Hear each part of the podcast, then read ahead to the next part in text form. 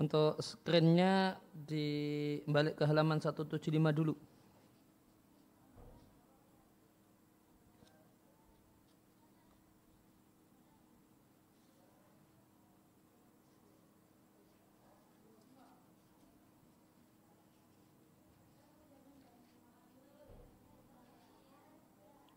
Dibalikkan ke halaman 175 dulu. Screennya.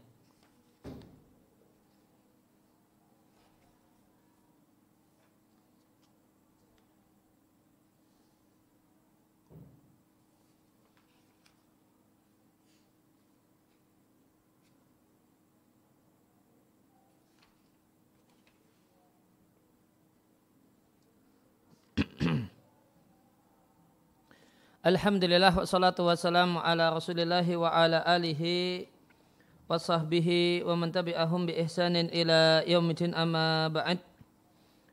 Kaum muslimin dan muslimah rahimani wa rahimakumullah kembali kita lanjutkan membaca dan mentelaah buku Adabul Khidbati wa fi Sunnah Al-Mutahharah. Sebelum kita lanjutkan ada satu hadis yang ingin kita baca ulang dengan melihat sarahnya di halaman 175 eh,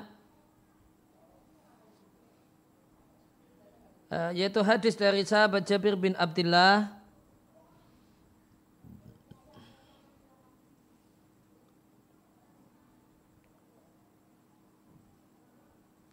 Dari sahabat Jabir bin Abdullah radhiallahu anhu beliau menyampaikan A'taqa rajulun agak bawah itu, agak tengah. Nah, ya. ya. Dari sahabat Jabir bin Abdullah radhiyallahu anhu beliau mengatakan a'taqa rajulun min bani Udrah.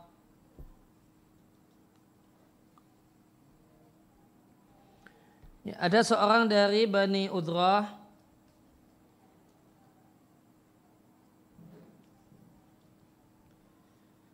Ya ada seorang yang memerdekakan uh, Bani Udrah. Orang tersebut di riwayat yang lain disebutkan namanya Abu Madhkur namanya. Dia memerdekakan seorang budak dan sahabat Ansar ini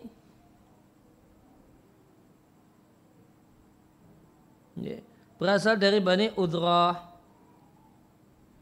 Ya, ya, Bani Udrah bagian dari Qudha'ah. Nah, dia memerdekakan abdan lahu an duburin. Ya, seorang budak laki-lakinya dengan cara memerdekakan yang disebut dengan tadbir. Yaitu seorang pemilik budak mengatakan kepada budaknya, jika aku meninggal dunia, engkau merdeka. Dalam riwayat yang lain disebutkan bahwasanya budak yang dimerdekakan ini namanya Yakub. Riwayat yang lain disampaikan lam yakun lahu malun ghairuhu padahal dia tidak uh, orang Ansar yang memerdekakan budak ini ya, realitanya dia tidak memiliki harta selain budak tersebut.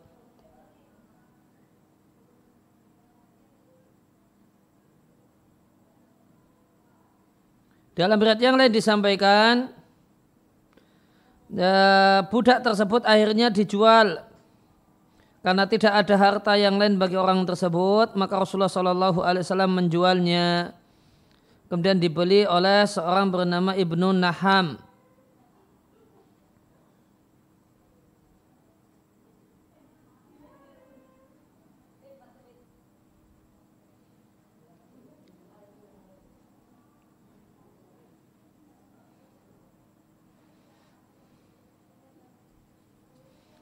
Ya, lantas akhirnya berita tentang tindakan sahabat ini harta berharga satu-satunya yang dia miliki adalah budak malah dimerdekakan meskipun dengan sistem tadbir.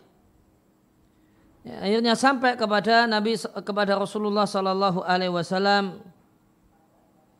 Maka Rasulullah Sallallahu Alaihi Wasallam menanyai orang tersebut, ala kamalun ghairuhu apakah engkau punya harta yang lain? Orang tersebut mengatakan, saya tidak punya. Artinya orang tersebut ya, mengatakan laisa malun aku tidak punya harta yang lain maka di sini terdapat penjelasan bahasanya sebab kenapa Nabi menjual budak ini karena si pemilik tidak punya harta yang lain atau lebih detailnya dalam riwayat Bukhari disampaikan ada seorang yang memerdekakan budak uh, budak laki-lakinya setelah dia mengikrarkan memerdekakan ternyata dia butuh duit. Akhirnya Rasulullah Shallallahu Alaihi Wasallam mengambil budak tersebut dan mengatakan siapa yang mau membelinya.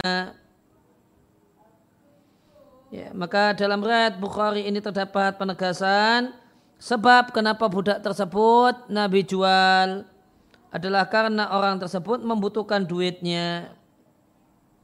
Kemudian dalam riwayat yang lain dijelaskan bahasanya sebab kenapa budak yang sudah diikrarkan untuk merdeka jika tuannya meninggal dunia ini Nabi jual sebabnya karena orang yang memerdekakan ini terlilit hutang.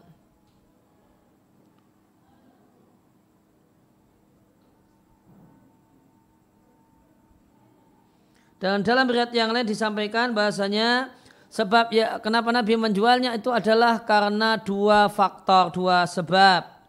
Yang pertama orang yang membutuhkan alias miskin.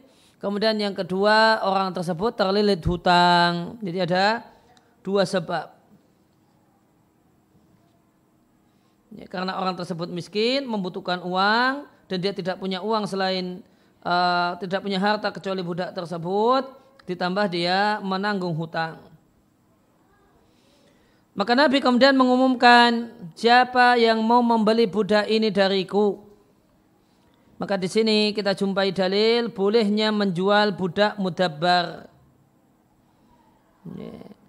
Dan berdasarkan hadis ini pendapat yang kuat bolehnya menjual budak mudabbar tanpa ada rincian dan ini pendapat alimah musyafi'i.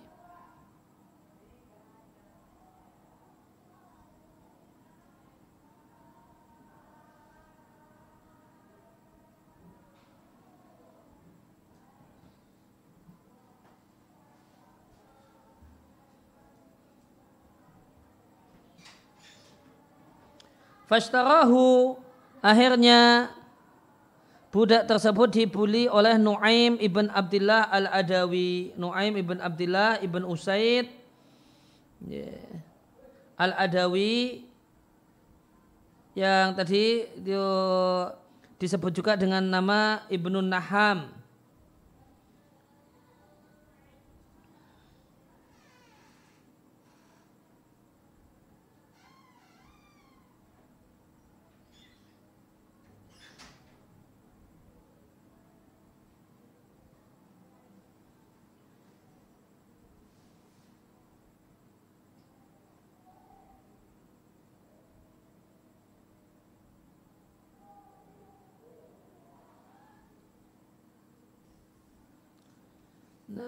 Ya, tentang orang ini Nuaim atau sahabat Nabi ini Nuaim ibn Abdullah al-Adawi ya, perlu diketahui bahasanya ya, beliau masuk Islam sebelum Umar. Namun Nuaim ini tidaklah berhijrah ke Madinah kecuali beberapa saat sebelum penaklukan kota Mekah. Kenapa? Apa yang menahan beliau sehingga lama di Mekah dan tidak segera hijrah? Sebabnya karena beliau ini menafkahi para janda Bani Adi dan anak-anak yatimnya.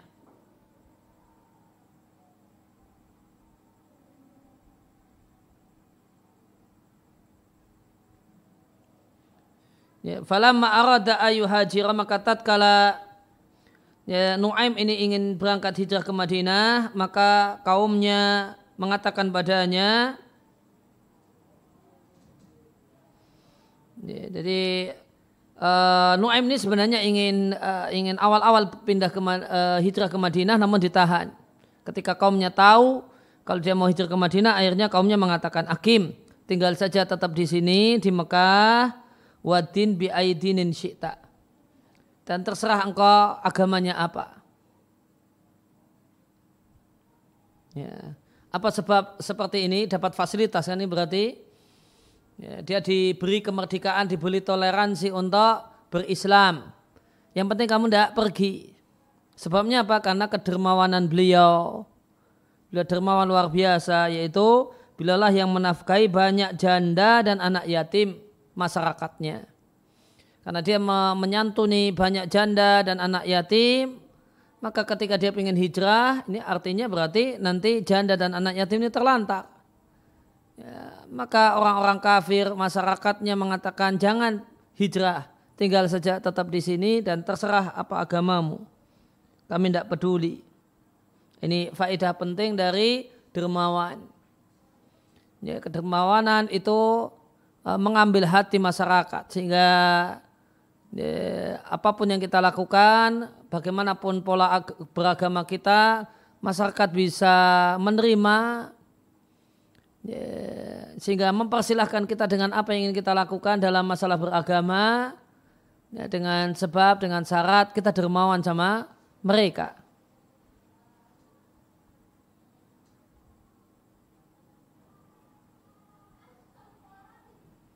Oleh karena itu disebutkan tatkala Nuaim ini tiba di kota Madinah, Nabi berkata kepada Nuaim, "Ya Nuaim, kaumuka kanu khairan laka min kaumi." Wahai Nuaim, sukumu lebih baik daripada sukuku. Maka Nuaim mengatakan bahkan sukumu lebih baik daripada sukuku. Bal kaumuka khairan bahkan kaummu sukumu yang lebih baik wahai Nabi. Maka Nabi mengatakan, sukuku mengusirku, sedangkan sukumu menahanmu.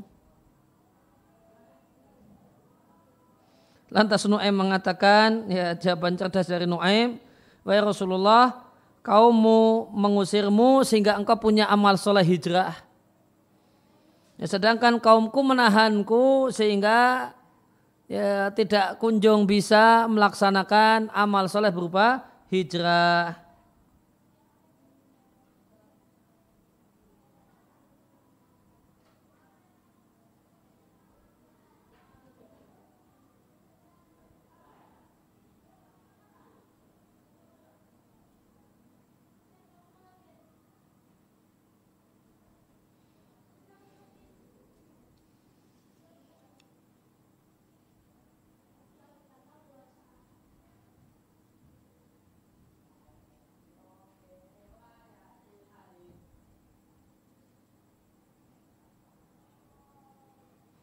Uh, di kemudian keterangan yang lain tentang sahabat Nabi ini Nuaim ibn Abdullah al Adawi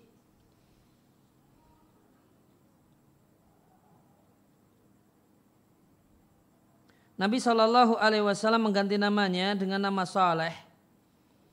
Wakana ismu di bihi meskipun namanya dia populer dengan nama Nuaim.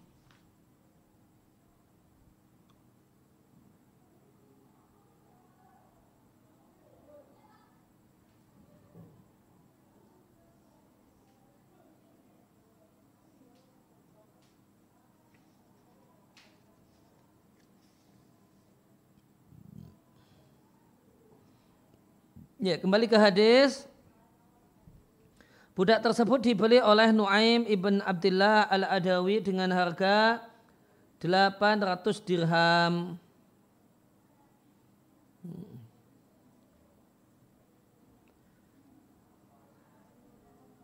Faja'a biha Rasulullah sallallahu alaihi wasallam. Pelaku jaannya siapa? Maknanya Nuaim ibn Abdullah datang dengan membawa uang tersebut. Sehingga bihanya itu uang 800 dirham. Ja'a itu pelakunya adalah Nuaim. Yang didatangi adalah Rasulullah Sallallahu Alaihi Wasallam. Fadafa'aha ilaihi. Nah kalau ini ya, dafa'an Nabi Sallallahu Alaihi Wasallam tilka darahima. Nabi menyerahkan uang-uang tersebut kepada orang yang memerdekakan budak. Maka fa'ilnya dafa'a itu Nabi. Hanya uang 800 dirham ilaihinya orang yang memerdekakan.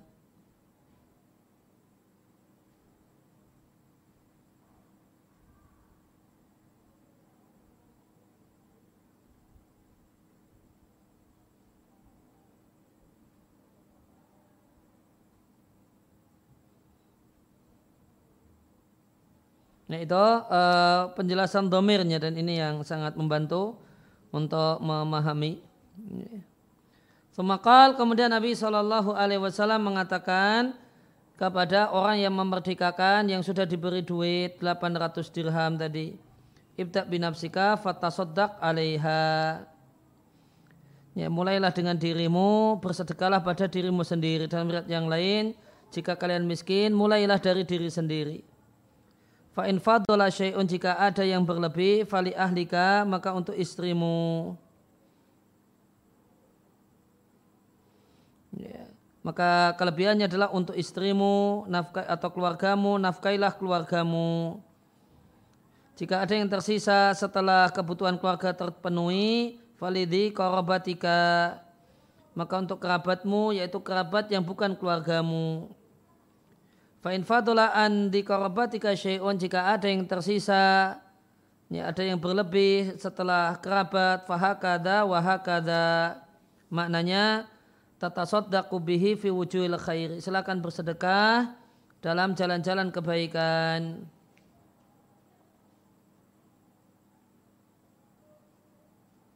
ini baru selanjutnya ini. kemudian Yakulu, ya, apa itu makna yakulu? Maknanya yushiru. Nabi Shallallahu Alaihi Wasallam siapa yang berisyarat? Nabi Shallallahu Alaihi Wasallam. Di sini kita jumpai faedah. Kadang-kadang kola yakulu itu maknanya asyara yushiru berisyarat. Maka Nabi Shallallahu Alaihi Wasallam berisyarat baina yadaika ya, dengan di hadapanmu sebelah kananmu dan sebelah kirimu. Uh, ini penjelasan dari salah satu perawi dan tidak diketahui identitas perawi yang memberikan penjelasan di hadapanmu, kanan dan kirimu.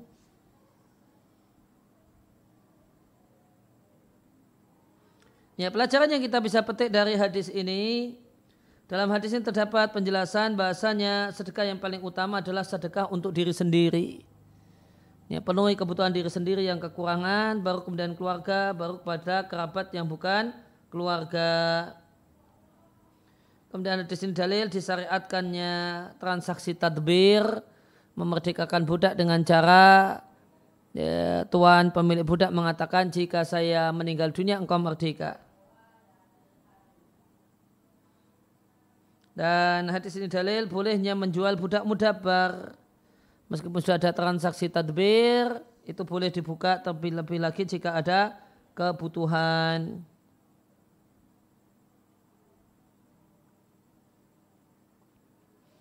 Kemudian pelajaran yang lainnya dari hadis ini, jika ada sejumlah hak yang harus kita tunaikan, maka yang dimenangkan adalah yang lebih hak yang lebih ditekankan. Ya, sehingga diri perlu dinafkahi, keluarga perlu dinafkahi, kerabat perlu dinafkahi, ah ini semuanya perlu dinafkahi, maka dulu kan yang lebih ditekankan dalam hal ini diri, baru kemudian keluarga, baru kerabat bukan keluarga.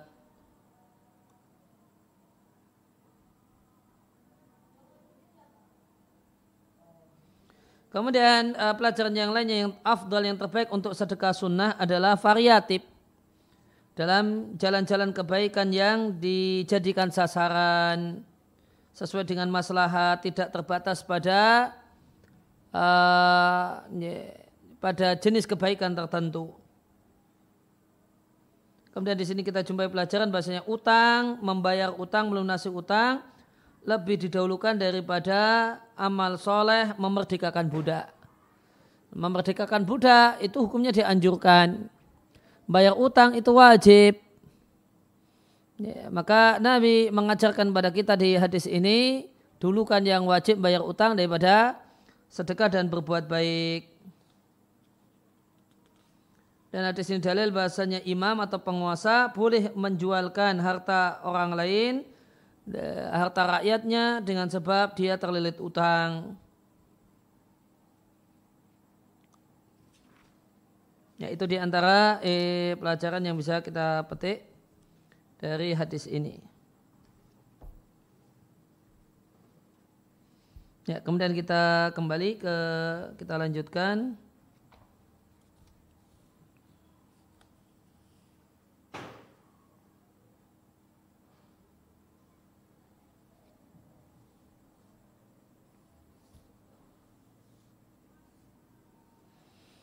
Ya, di halaman 178.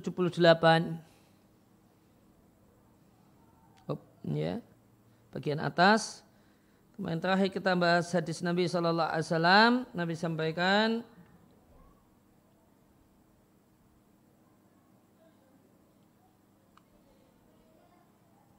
Ini amhilu Nabi katakan kepada Nabi Shallallahu Alaihi sampaikan pada para sahabat, sabarlah jangan langsung pulang hatta nadkhula laila. Mungkin sampainya pagi jangan langsung pulang. Non biarkan kita ngepos dulu istirahat dulu kemudian sampailah kabar kalau kalau rombongan Nabi sudah pulang sehingga istri itu punya uh, punya kesempatan untuk mempersiapkan diri maka amhilu sabarlah hatta nadkhula lailan sampai kita pulang ke rumah masing-masing di malam hari.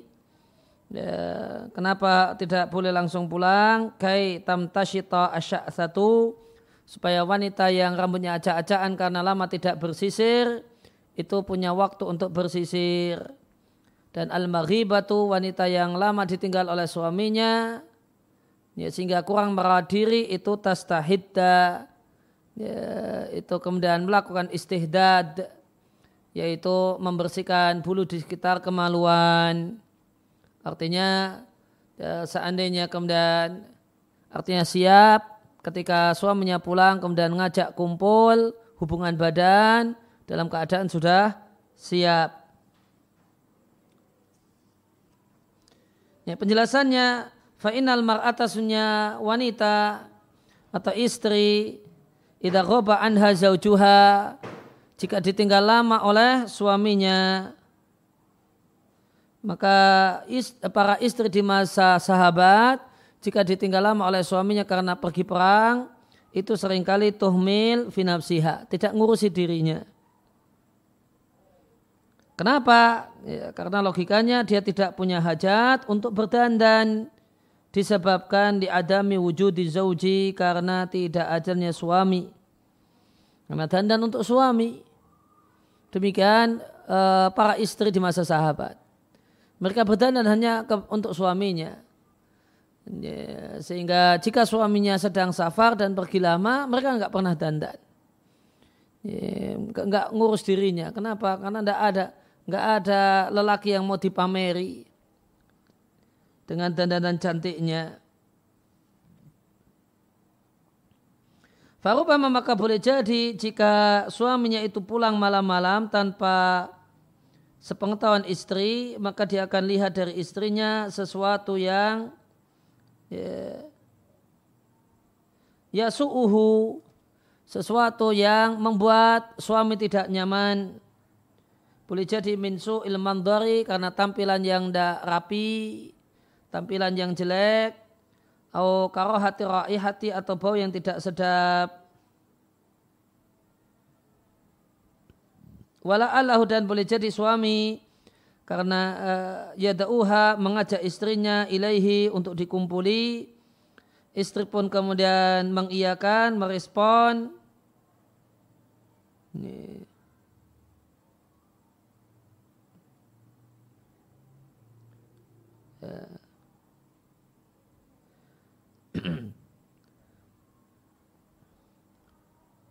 Wahia qad uh, jawazat az-zamana tawila. Dan istri ini telah melampaui waktu yang lama. Ya, tuna istihdadin telah melampaui waktu yang lama. Artinya waktu berlalu telah demikian lama dia tidak pernah istihdad. Tidak pernah membersihkan ya, bulu-bulu di sekitar kemaluannya atau mencabuti bulu ketiaknya atau mencabuti bulu sekitar kemaluannya sehingga akhirnya suami itu melihat dari istrinya sesuatu yang menyebabkan si suami ini benci dengan istrinya fi qalbihi di hati si suami. Itu hikmah kenapa tidak boleh pulang uh, jika uh, langsung pulang malam-malam jika istri uh, belum dikabari terlebih dahulu. Namun jika uh, sudah bisa dikabari terlebih dahulu sebagaimana keadaan di zaman ini ya bisa kemudian sudah chat WA uh, jauh-jauh hari, kemudian perjalanan juga sudah jelas, skedul perjalanannya, maka bisa bisa ngabari nanti kurang lebih sampai rumah jam sekian, maka tidak mengapa pulang malam-malam. Oleh karena itu, fakat soha ani Nabi Sallallahu Alaihi Wasallam. Terdapat hadis yang sahih dari Nabi Sallallahu Alaihi Wasallam bahasanya Nabi punya kebiasaan tidaklah mendatangi istrinya lailan malam-malam. Beliau datang mendatangi istrinya ya, sampai uh, uh, rutwatan atau asyiyatan pagi atau sore.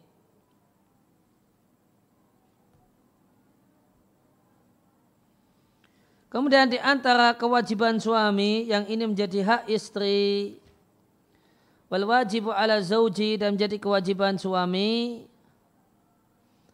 bersabar dengan kekurangan istrinya. Dan jangan benci dengan istri burdan syadidan dengan benci yang sangat ya benci yang terlalu over. Ya. Li'anna ra'a minha aib aiban au aibaini. Ketika dia melihat ada pada diri istrinya satu perilaku yang jelek atau dua perilaku yang jelek. Nah, ketika suami itu menjumpai hal yang tidak nyaman, bikin jengkel, bikin marah yang ada pada istrinya, apa yang semestinya dia lakukan? Bal yudzakiru nafsahu bi mahasiniha aidan. Dia ingatkan dirinya Ya, dia ingatkan dirinya sendiri dengan eh, sisi-sisi uh, indah istrinya, kelebihan-kelebihan istrinya. Nah, demikian caranya. Dan ini demikian juga ini kewajiban istri ketika menjumpai hal yang menjengkelkan pada suami, maka ingat jasa-jasa dan kebaikan suami. Dan suami pun demikian. Ya, ketika jengkel, sebel sama istri, maka hadirkan ke hati, ingatkan diri dengan uh, kebaikan-kebaikan istri, ya, taatnya istri, penurutnya istri, ya, pelayanan yang diberikan oleh istri. Demikian juga di antara kebaikan istri boleh jadi ya, si suami ini kemarin-kemarin ya, bolak-balik ngelamar anak gadis orang, tidak ada yang mau nerima ini wanita yang ini wanita satu-satunya yang mau menerima dirinya dengan segala kekurangannya. Maka itu jasa dan kebaikan yang tidak boleh dilupakan. Ya, ini jasa dan kebaikan yang harus selalu diingat. Ya, terutama diingat saat lagi sebel jengkel sama istri. Nah itulah yang harus dilakukan sebelum suami ini merusak kehidupannya sendiri dengan mengingat-ingat kejelekan dan aib istrinya. Sebagaimana sabda Nabi Wasallam,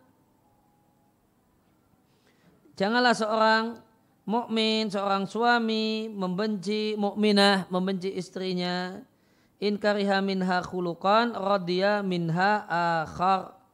Jika tidak dia tidak menyukai satu perilaku istrinya, ya, maka dia bisa menyukai perilaku istrinya yang lain. Ya, bisa jadi dia tidak suka dengan istrinya yang kalau ya, naruh barang tidak ya, tidak tetap di satu tempat. Pokoknya masuk rumah ya duduk di mana ya semua barangnya di situ. Namun di sisi yang lain dia adalah seorang wanita yang rajin masak, rajin bikin kue-kue, rajin bikin ini sehingga ya pengeluaran lebih hemat di samping anak-anak itu keinginan jajannya sudah tercukupi misalnya ya maka jengkel ini dengan satu uh, perbuatannya yang kalau naruh kunci itu ndak di tempat yang pasti. Namun istri punya kelebihan-kelebihan yang lain. Nah itu yang di diingat-ingat ya supaya tidak terjadi kerusakan ya supaya uh, ya, tidak kemudian terjadi hal yang tidak yang dikhawatirkan.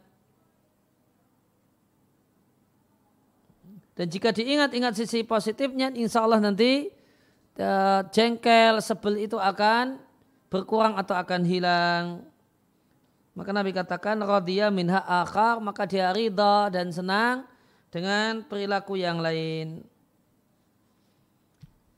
Penjelasan tentang makna hadis ini di halaman selanjutnya di halaman 179.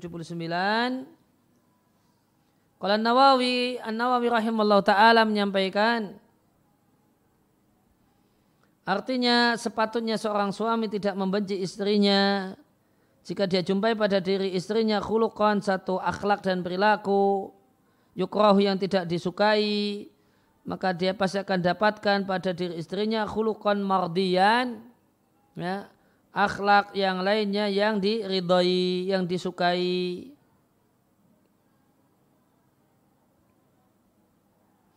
Misalnya bi antakuna ya, istrinya itu jelek perilakunya. Ya, cerewetnya minta ampun gitu. Ya, kalau ngomel-ngomel pedes ya. Namun dayinah. Ya, namun di sisi yang lain dia seorang yang bagus agamanya. Dalam pengertian rajin ibadahnya ya, ya, rajin ibadahnya, sholatnya tertib, ya, nyaman dilihat. Ya, dia pun pandai mensuasa, uh, mengkondisikan anak-anak untuk ya, segera sholat. Ya, dia puasanya juga rajin. Ya, meskipun ya, lisannya cerewet. Nah, maka cerewetnya lisan tertutup dengan bagusnya sisi agamanya. Atau ya cerewet namun punya kelebihan cantik ya, cantik natural uh, cantik alaminya kemudian lebih cantik lagi dengan jika berdandan ya. atau afifatun atau dia adalah wanita yang ya, menjaga diri ya, menjaga kehormatan ya, ya dan wanita yang kemudian uh, konsisten untuk jaga diri dengan laki-laki yang bukan suaminya dan bukan mahramnya. Maka ini kelebihan yang dia miliki yang patut untuk diingat. Atau rafiqatan atau uh, uh, lakinnaha dayyinatun au jamilatun au afifatun au rafiqatun bi atau wanita yang lembut. Wa dan semacam itu. Nah, kemudian hak istri selanjutnya yang terakhir di di pembahasan ini adalah at-taqwimu bil ma'rufi diluruskan dengan cara yang bijak, dengan cara yang baik. Ya, karena meluruskan uh, meluruskan orang yang perlu diruskan itu ada yang caranya bijak dan ada yang caranya tidak bijak. Wa mata nasyadat maka jika istri itu nusus ya, suara, bersuara tinggi sama suami atau keluar rumah tanpa izin. Atau diajak kumpul dan uh, hubungan biologis tidak mau. Maka menjadi hak istri dan kewajiban suami tidaklah meluruskan istrinya ila bisubuli syar'iyati kecuali dengan jalan-jalan yang syar'i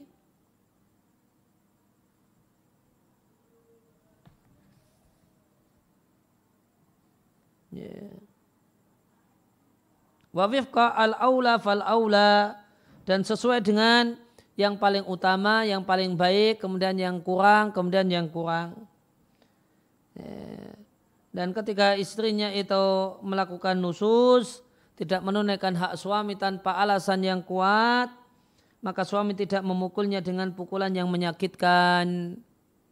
Ya, pikiran yang kemudian pukulan yang bikin berdarah, atau jadi biru-biru atau sampai patah ya, tulang atau yang lainnya. Namun sekedar cubitan uh, sedikit itu pun cuma di pantat, ya, tidak di daerah bahaya. Wala tidak kemudian menjelek-jelekkannya. Ya, dasar gini-gini, dasar gini-gini gini, tidak demikian. Namun dia tahan lisannya sehingga tidak ada ucapan yang menjelek-jelekkan, ya, menjelek-jelekkannya, tidak menampar wajahnya, baliyat bi'u baliyat tabi'u fi dzalikal kitab sunnata non suami yang menunaikan hak istri ketika istrinya secara realita melakukan kesalahan tidak menunaikan hak suami atau alias nusus, uh, dia terapi keadaan ini dengan mengikuti Alkitab wa Sunnah. Nah, gimana uh, itu kemudian meluruskan istri yang tepat nanti akan datang rincian hal tersebut seluruhnya di bab tersendiri setelah bab hak suami yang wajib ditunaikan oleh istri. Nanti ada bab at-taqwim bab tentang meluruskan ini hal yang bengkok dan nusuzi ketika terjadi nusuz.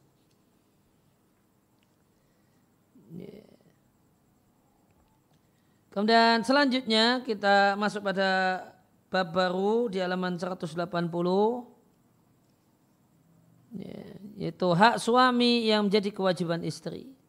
Maka sebagaimana istri punya hak yang wajib ditunaikan oleh suami, yang hak-hak tersebut ditetapkan oleh syariat yang mulia, maka demikian juga suami punya hak-hak yang agung yang wajib ditunaikan istri. Terdapat tentangnya berbagai macam ayat di Al-Quran dan hadis-hadis Nabi yang sahih. Dan satu hal yang patut untuk disadari bahasanya tentang betapa agungnya hak suami yang wajib ditunaikan oleh istri. Bal azauju a'zamu haqqan ala zaujatihi min alaihi. Dari sisi perbandingan uh, hak suami, ya, suami itu memiliki hak yang lebih besar yang wajib ditunaikan oleh istri dibandingkan hak istri yang wajib ditunaikan oleh suami. Minha alaihi dibandingkan hak istri yang alihi yang wajib ditunaikan oleh suami. Ya, ini kalau mau dilakukan perbandingan, meskipun perbandingan ini bukanlah satu hal yang urgen, ya, yang jelas masing-masing punya hak yang wajib ditunaikan oleh pasangannya. Dalilnya adalah hadis dari sahabat Abu Hurairah radhiallahu anhu Rasulullah sallallahu alaihi wasallam bersabda, "Ma yang li ahadin ayah juda li ahadin." Tidak sepatutnya yaitu haram seorang itu bersujud ke sujud kepada orang lain. Walau karena ahadun bari ayas judali ahadin seandainya ada seseorang yang sepatutnya sujud kepada orang lain la amartul mar'ata anta judali zaujiha niscaya akan aku perintahkan seorang istri untuk sujud kepada suaminya. Lima azzamallahu alaiha min haqqihi. Karena Allah menyatakan betapa besarnya hak suami alaiha yang menjadi kewajiban istri. Wazata fi demikian dalam hadis yang diriatkan oleh Ibnu Hibban. Wazata fi dan dalam riat yang lain terdapat tambahan waladhi nafsi biadihi demi Allah zat yang nyawaku ada di tangannya.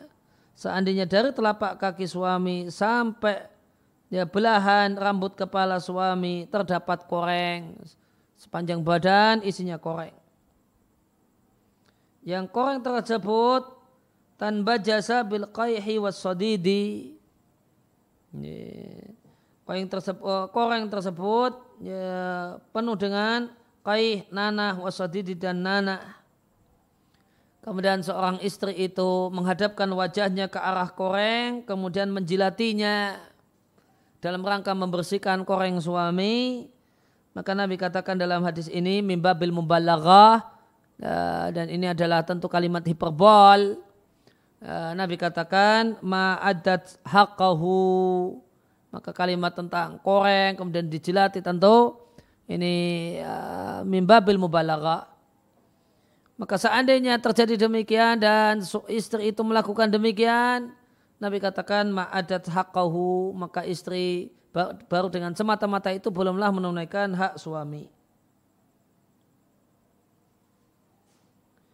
Dan dari Husain ibn Mihsan dari uh, ammatin lahu bibinya yang bibinya datang pada Nabi Shallallahu Alaihi Wasallam karena satu keperluan. Sang bibi kemudian selesai dari hajatnya, Rasulullah Shallallahu Alaihi Wasallam kemudian menanyainya, Zatu zaujin anti, apakah engkau seorang wanita yang bersuami? Dia mengatakan, iya. Kemudian Nabi tanya, kaifa antilahu, bagaimana kasih kamu kepada suamimu? Ya, maka wanita ini luar biasa, dia katakan ma'aluhu. Aku tidak peduli apa pun yang bisa aku lakukan untuk suamiku, kulakukan. Aku tidak peduli.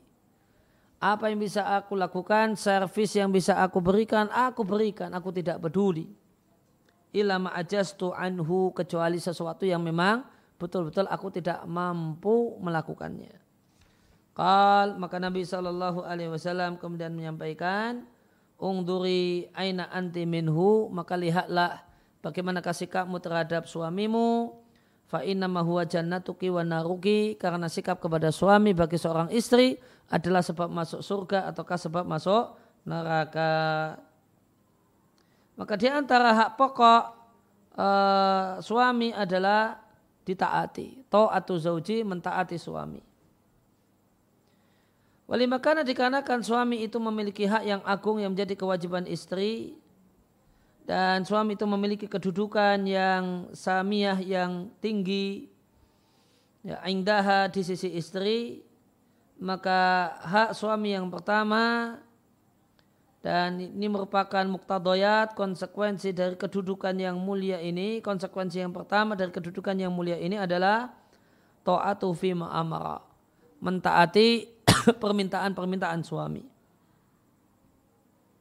Sungguh Allah Ta'ala telah memuji dalam kitabnya yaitu dalam Al-Quran ya, az-zawjata at-ta'i'ata li seorang istri yang taat kepada suaminya dengan Allah katakan fasalihatu qanitatun hafidhatun lil ghaibi bima hafidhallah dan wanita salihah adalah wanita yang taat dan wanita yang menjaga ketika suaminya pergi bima hafidhallah karena Allah menjaganya. Kata Sufyan Ats-Tsauri rahimallahu taala qanitat artinya mutiat wanita yang taat kepada Allah dan kepada suami Wahadal hakku dan hak ini adalah min aujabi ma li rajuli alal mar'ati adalah hak yang paling wajib menjadi hak seorang suami menjadi kewajiban istri. Bahwa maka hak ini kalau dibandingkan dengan hak-hak suami yang lain ya, yang wajib ditunaikan oleh seorang istri itu seperti kepala dengan badan. Maka jika mata takhallaqat al-mar'atu bihadal khuluqi maka jika seorang istri itu berakhlak dengan akhlak ini yaitu taat kepada suami penurut dengan suami wa mata hadal haqqa dan dan jika istri itu menunaikan hak suami ini maka penunaian hak-hak yang lainnya itu lebih ringan dan eh, lebih mudah dan lebih ringan. Karena hak-hak suami yang lainnya itu derivat dari hak pokok ini yaitu menjadi penurut dan taat kepada suami. Dan Rasulullah Shallallahu Alaihi Wasallam e, memotivasi untuk mentaati suami dengan sabda Nabi tatkala ditanya tentang an khairi nisa'i sebaik-baik perempuan Nabi katakan allati tuti'uhu idza amara dia adalah seorang wanita yang taat e, jika suami memerintahkannya maka yang Nabi sebutkan pertama kali, Nabi dahulukan ketaatan sebelum hak-hak yang lainnya ala baqil khisali dibandingkan hal-hal yang lainnya dan itu di ahamiyatiha menunjukkan pentingnya dan betapa besarnya kedudukan hal ini yaitu taat kepada suami. Jadi maka inti istri salihah intinya adalah di sini. Ya wanita penurut dengan suaminya, taat dengan suaminya. Ya. Ya, demikian yang kita telaah, kita baca kesempatan malam hari ini. Ya, mudah-mudahan jadi ilmu yang barokah, ilmu yang manfaat uh, untuk semua yang mendengar ya, kajian ini dan yang mendengar rekamannya. Wassalamualaikum ala nabiyina Muhammadin wa ala alihi wasallam wa alhamdulillahi rabbil alamin. Kita tutup dengan kafaratul majlis. Subhanakallahumma wa bihamdika Asyhadu an la ilaha illa anta astaghfiruka wa atubu ilaik. Ya, demikian kurang lebihnya mohon maaf. Assalamualaikum warahmatullahi wabarakatuh.